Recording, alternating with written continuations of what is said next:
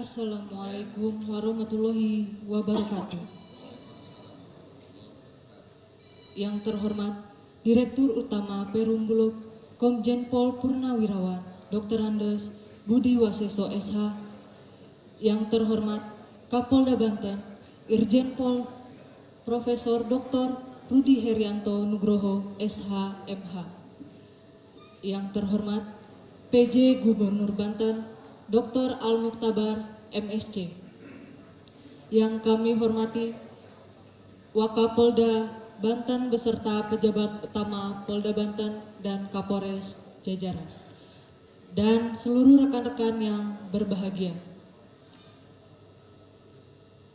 Puji syukur kehadirat Allah Subhanahu wa taala atas limpahan rahmat dan hidayahnya kita bisa berkumpul dalam acara press conference Polda Banten atas ungkap perkara oleh Satgas Pangan Ditreskrimsus Polda Banten.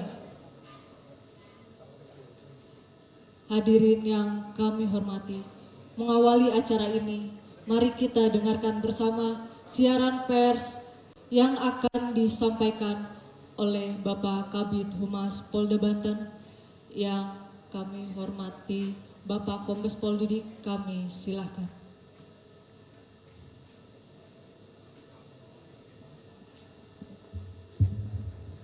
Bismillahirrahmanirrahim. Assalamualaikum warahmatullahi wabarakatuh. Salam, Om Swastiastu, Namo Buddhaya, Salam Kebajikan.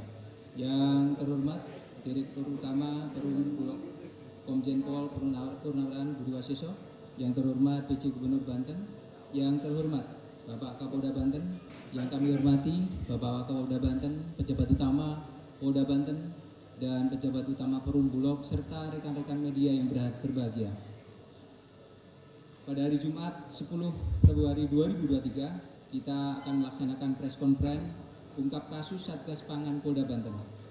Hal ini tidak lain bukan adalah menindaklanjuti inspeksi yang dilakukan Direktur Utama Perum Bulog Komjen Pol Purnawirawan Budi Waseso beberapa waktu lalu di gudang pasar induk beras Cipinang, Jakarta Timur yang menemukan praktek kecurangan dengan mencampur beras dan memindahkan beras Bulog ke merek yang lain. Hal ini kemudian menjadi atensi Bapak Kapolda Banten untuk menurunkan Satgas Pangan yang selanjutnya bergerak cepat dengan mengungkap kasus tindak pidana perlindungan konsumen dan persaingan dagang dengan cara mengemas ulang atau repacking beras bulog menjadi kemasan merek lain. Dalam perkara ini, Satgas Pangan Polda Banten menangkap tujuh tersangka, yaitu HS 36 tahun, kemudian AL 58 tahun, kemudian BR 31 tahun, FR 42 tahun, kemudian HM 66 tahun, kemudian ID 30 tahun. Dari tujuh tersangka ini ada lima tempat, mulai dari Lebak, kemudian Cilegon, Serang Kabupaten, kemudian Serang Kota, dan terakhir dilaksanakan e, di e, Pandeglang.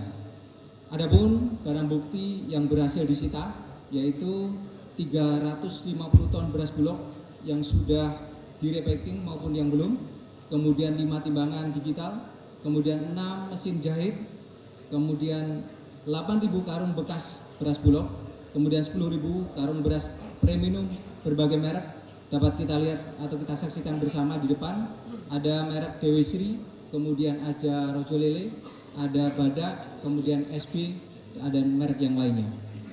Kemudian 10.000 karung bekas premium, kemudian dan 50 bundel atau bendel nota penjualan surat dan DO.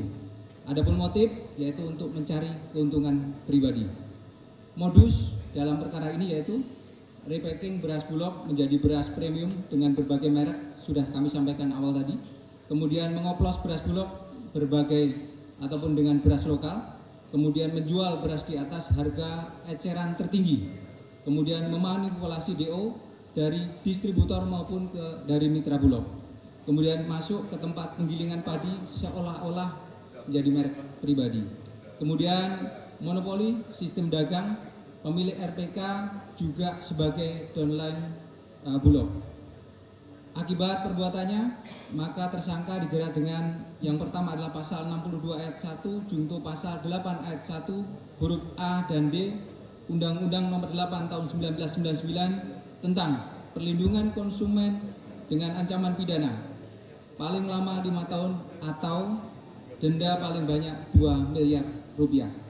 Dengan pasal 382 BS KUHP junto pasal 55 ayat 1 ke 1 dan atau pasal 55 KUHP dengan pidana paling lama 1 tahun 4 bulan. Demikian, terima kasih. Wassalamualaikum warahmatullahi wabarakatuh.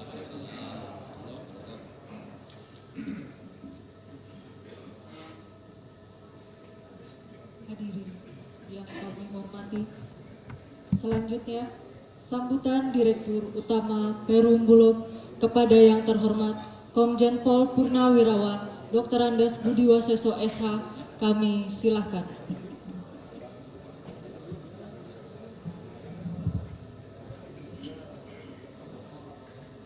Bismillahirrahmanirrahim.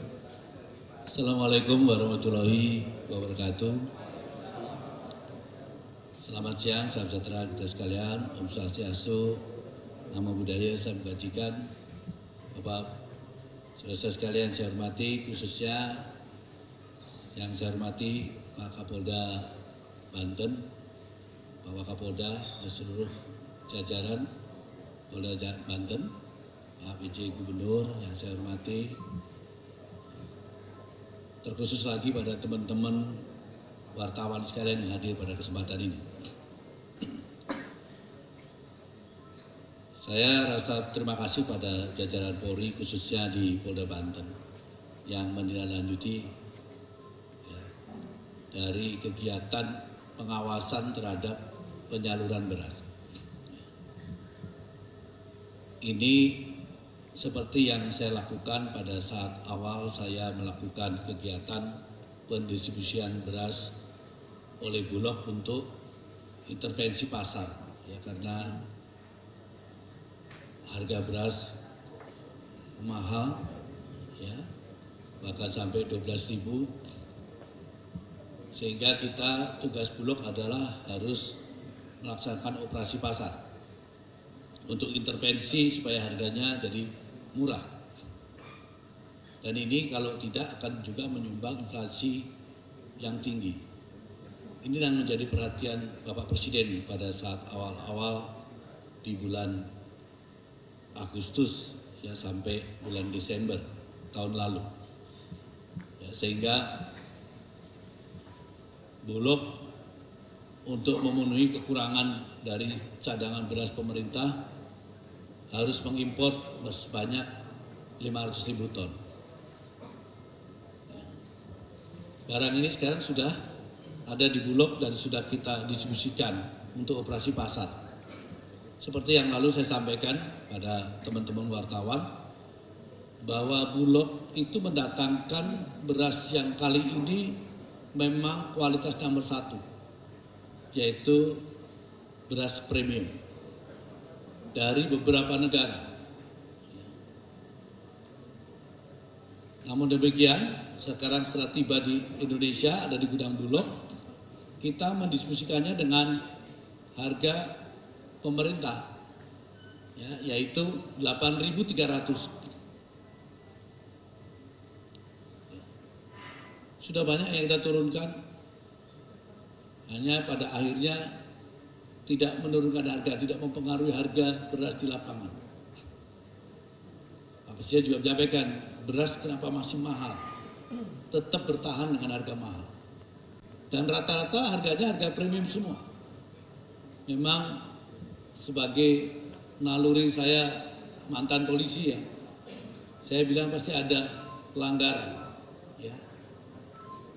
Itu kenapa pada saat itu saya dengan teman-teman wartawan, saya melakukan sidak dadakan yang tidak direncanakan tempatnya. Sehingga saya menemukan pelanggaran-pelanggaran itu. Ya. Seperti yang persis hari ini ditemukan oleh di Krimsus Polda Banten. Persis. Ya. Bagaimana mungkin beras dari Bulog mereka beli 8.300 langsung diganti bajunya. Ya. Dia jual dengan pasar premium. Ya rata-rata 12.000. Ya masyarakat akan bisa membelinya harganya 12 ribu. Di sisi lain memang pengusahanya ini dapat untung yang luar biasa. Dia tidak mempertimbangkan kebutuhan masyarakat, tidak mempertimbangkan kemampuan masyarakat membeli. Mereka hanya mencari keuntungan. Ya, biar keuntungan. Dan memanfaatkan operasi beras bulog ini yang kita laksanakan masif ini justru dimanfaatkan untuk mereka mencari keuntungan setinggi-tingginya Saya waktu itu bicara dan alhamdulillah saya bilang kalau kejahatan atau pelanggaran cepat atau lambat pasti terungkap. Hari ini sudah mulai diungkap. Bahkan ini juga Polda atau jajaran Polri khususnya Satgas Pangan tidak hanya diam saja hari ini akan terus dikembangkan ya.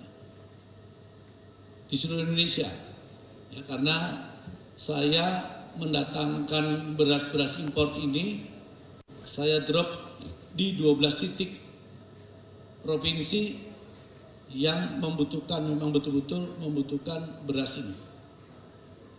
Kalau tidak diawasi maka ini akan hilang beras ini. Hilang dalam arti kata tidak akan berpengaruh terhadap masalah harga.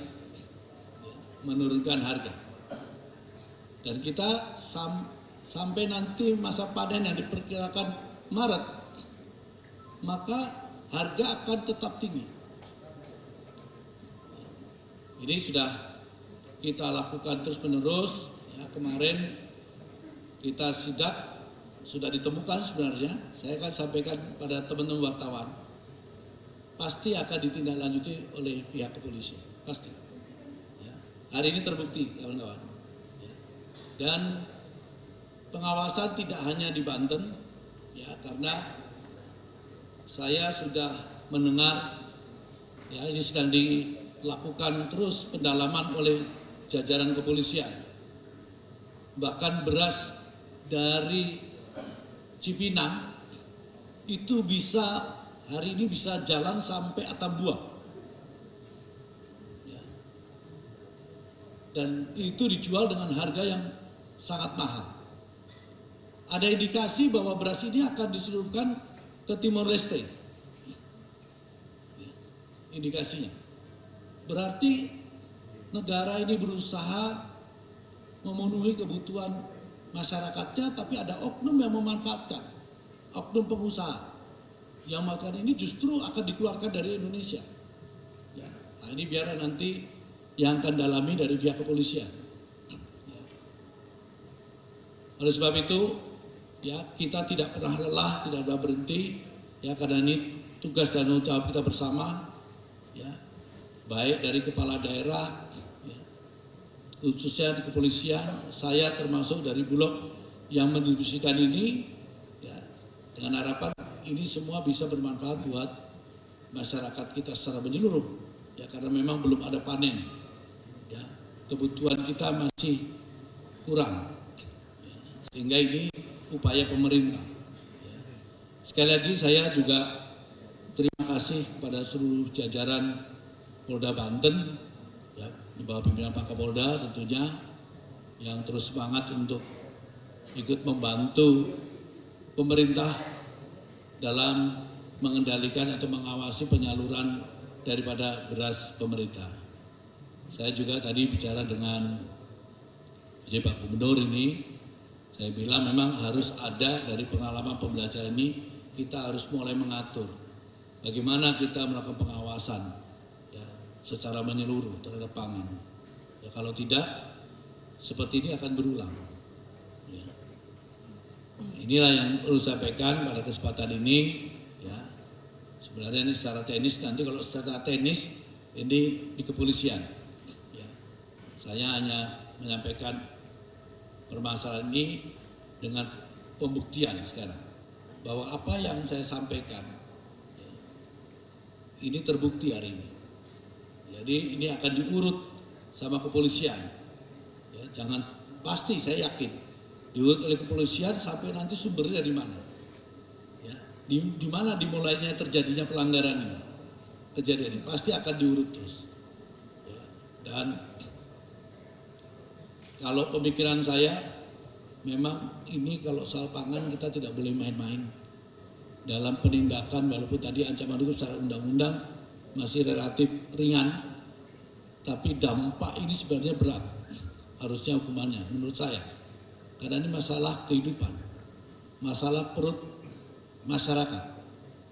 Ya. nah ini ini juga harus kita sikapi. Karena menurut saya kalau ini didalami dan ini memang ada unsur kesengajaan dan ini merupakan wujud kegiatan mafia yang tujuannya kepada negara ancamannya. Ini bisa dikenakan undang-undang subversi. Ya. Nah, nanti kita lihat saja dalam prosesnya. Ya tapi ini langkah awal dari penindakan hukum yang dilakukan oleh jajaran kepolisian khususnya Polda Banten. Ya. saya kira itu teman-teman untuk awal daripada yang saya sampaikan ya kalau mungkin nanti ada pertanyaan kalau secara umum boleh pada saya tapi nanti secara khusus nah, Pak Kapolda dengan jajaran khususnya di Krimsus nanti yang menangani ini ya. Saya kira ini terima kasih. Bapak Taufiq Hidayat Assalamualaikum warahmatullahi wabarakatuh. Yang ngatur siapa nih mungkin Umas oke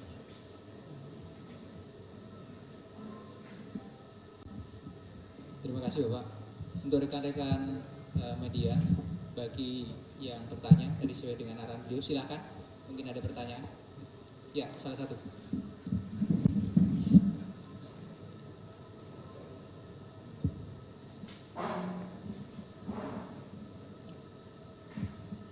Selamat siang, Assalamualaikum warahmatullahi wabarakatuh. Salam. Izin bertanya, tadi sempat dikatakan dari mana dulu dari mana Yandi dari liputan6.com. Oh, Tadi sempat dikatakan bahwa panen raya itu jatuh di bulan Maret. Nah, artinya kan sekarang Februari sampai Maret nanti, ya yang Bapak katakan bahwa harga kemungkinan pasti eh, masih tetap tinggi.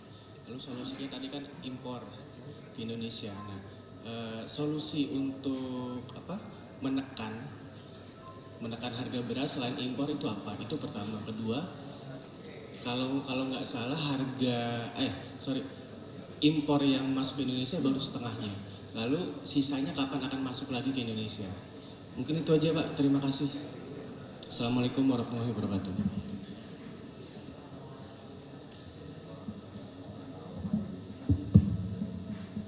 Satu-satu ya. Saya jawab ya. Oke. Eh, menekan daripada apa ya eh, ibaratnya ke kelangkaan ini memang salah satunya adalah supaya kita jadi impor yaitu produksi ya produksi beras kita yang harus ditingkatkan Ya.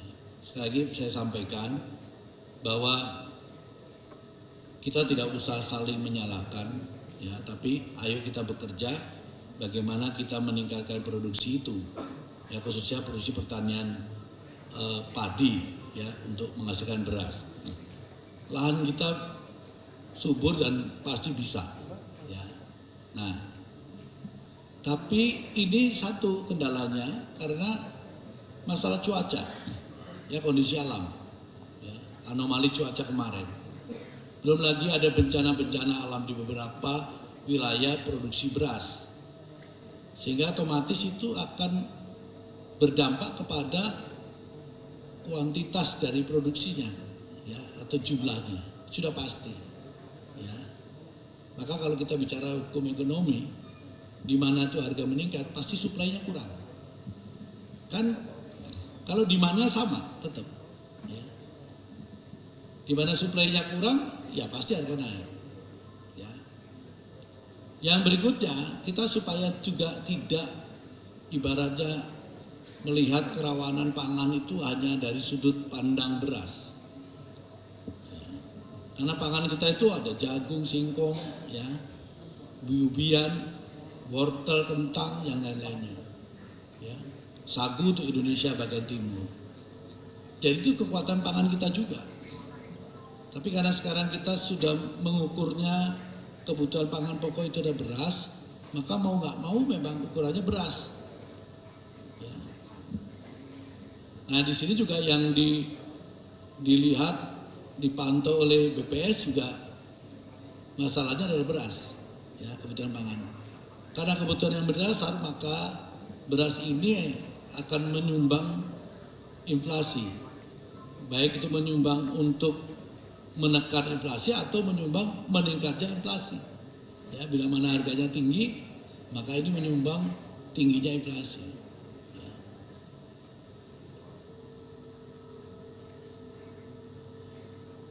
Saya tadi sudah cerita ya sama Pak PJ Gubernur dengan jajaran jajaran Polda Banten. Kalau Bulog ditugaskan import atau CBP itu cadangan beras pemerintah itu standarnya adalah medium. Ya, kita tidak tidak menyerap beras premium atau CBP itu kualitasnya premium tidak. Ya, secara undang-undang itu aturannya adalah medium. Nah, timbullah pertanyaan, kenapa yang didatangkan premium? Ya. Karena apa? Rekan-rekan sekalian, pada saat itu kita sudah emergensi. Perintah import ini 19 Desember. Dan banyak prosedur yang harus kita lakukan atau kita jalankan. Tidak mudah.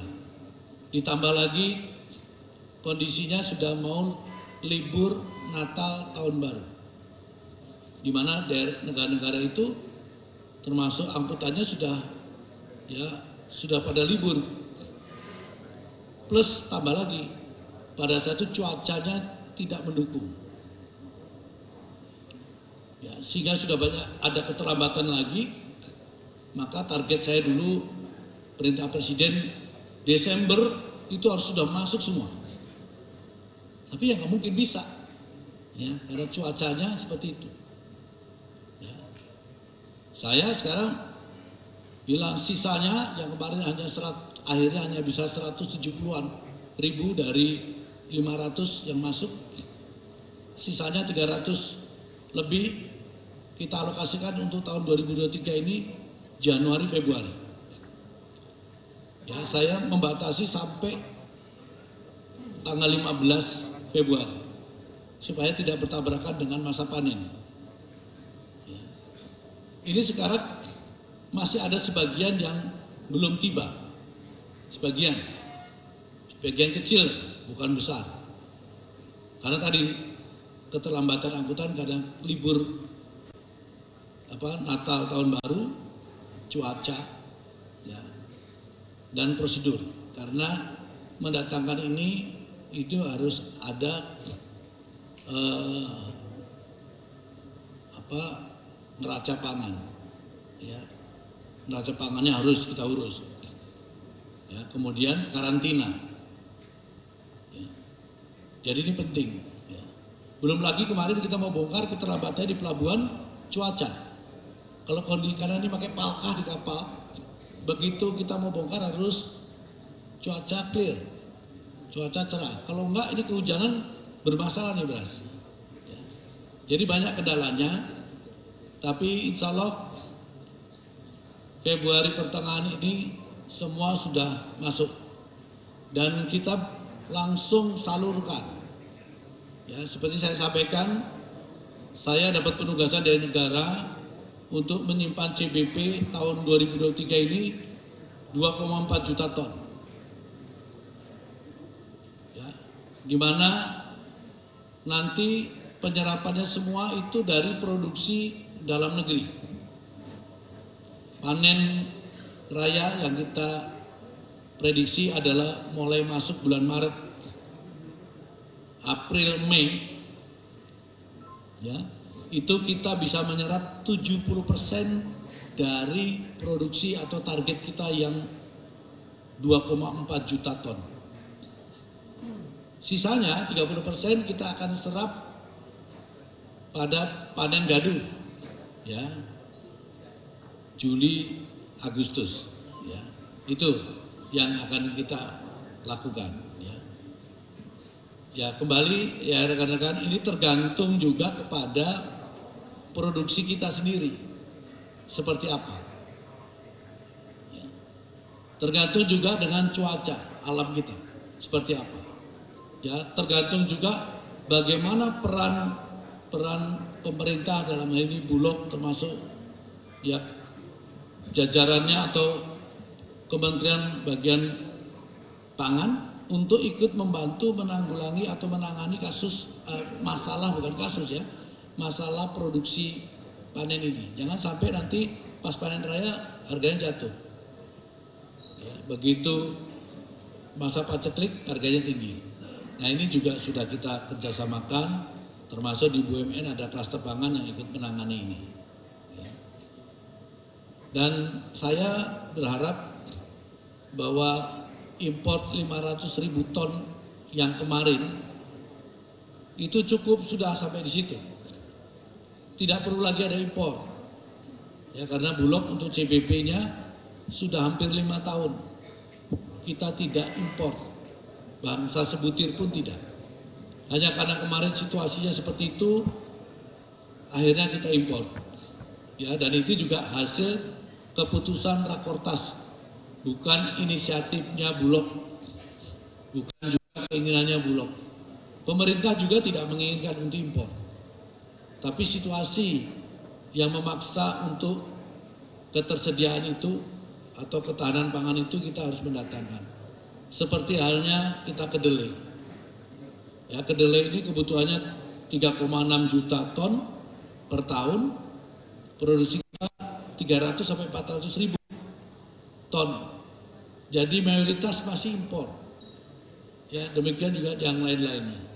Ya mudah-mudahan ke depan kita bisa swasembada ya menuju ke daulatan pangan kita. Ini kan harapan, boleh kita harapan harus selalu positif ya. Saya kira itu ya teman-teman. Silakan ada lagi. Terima, terima kasih Bapak. Terima kasih Bapak.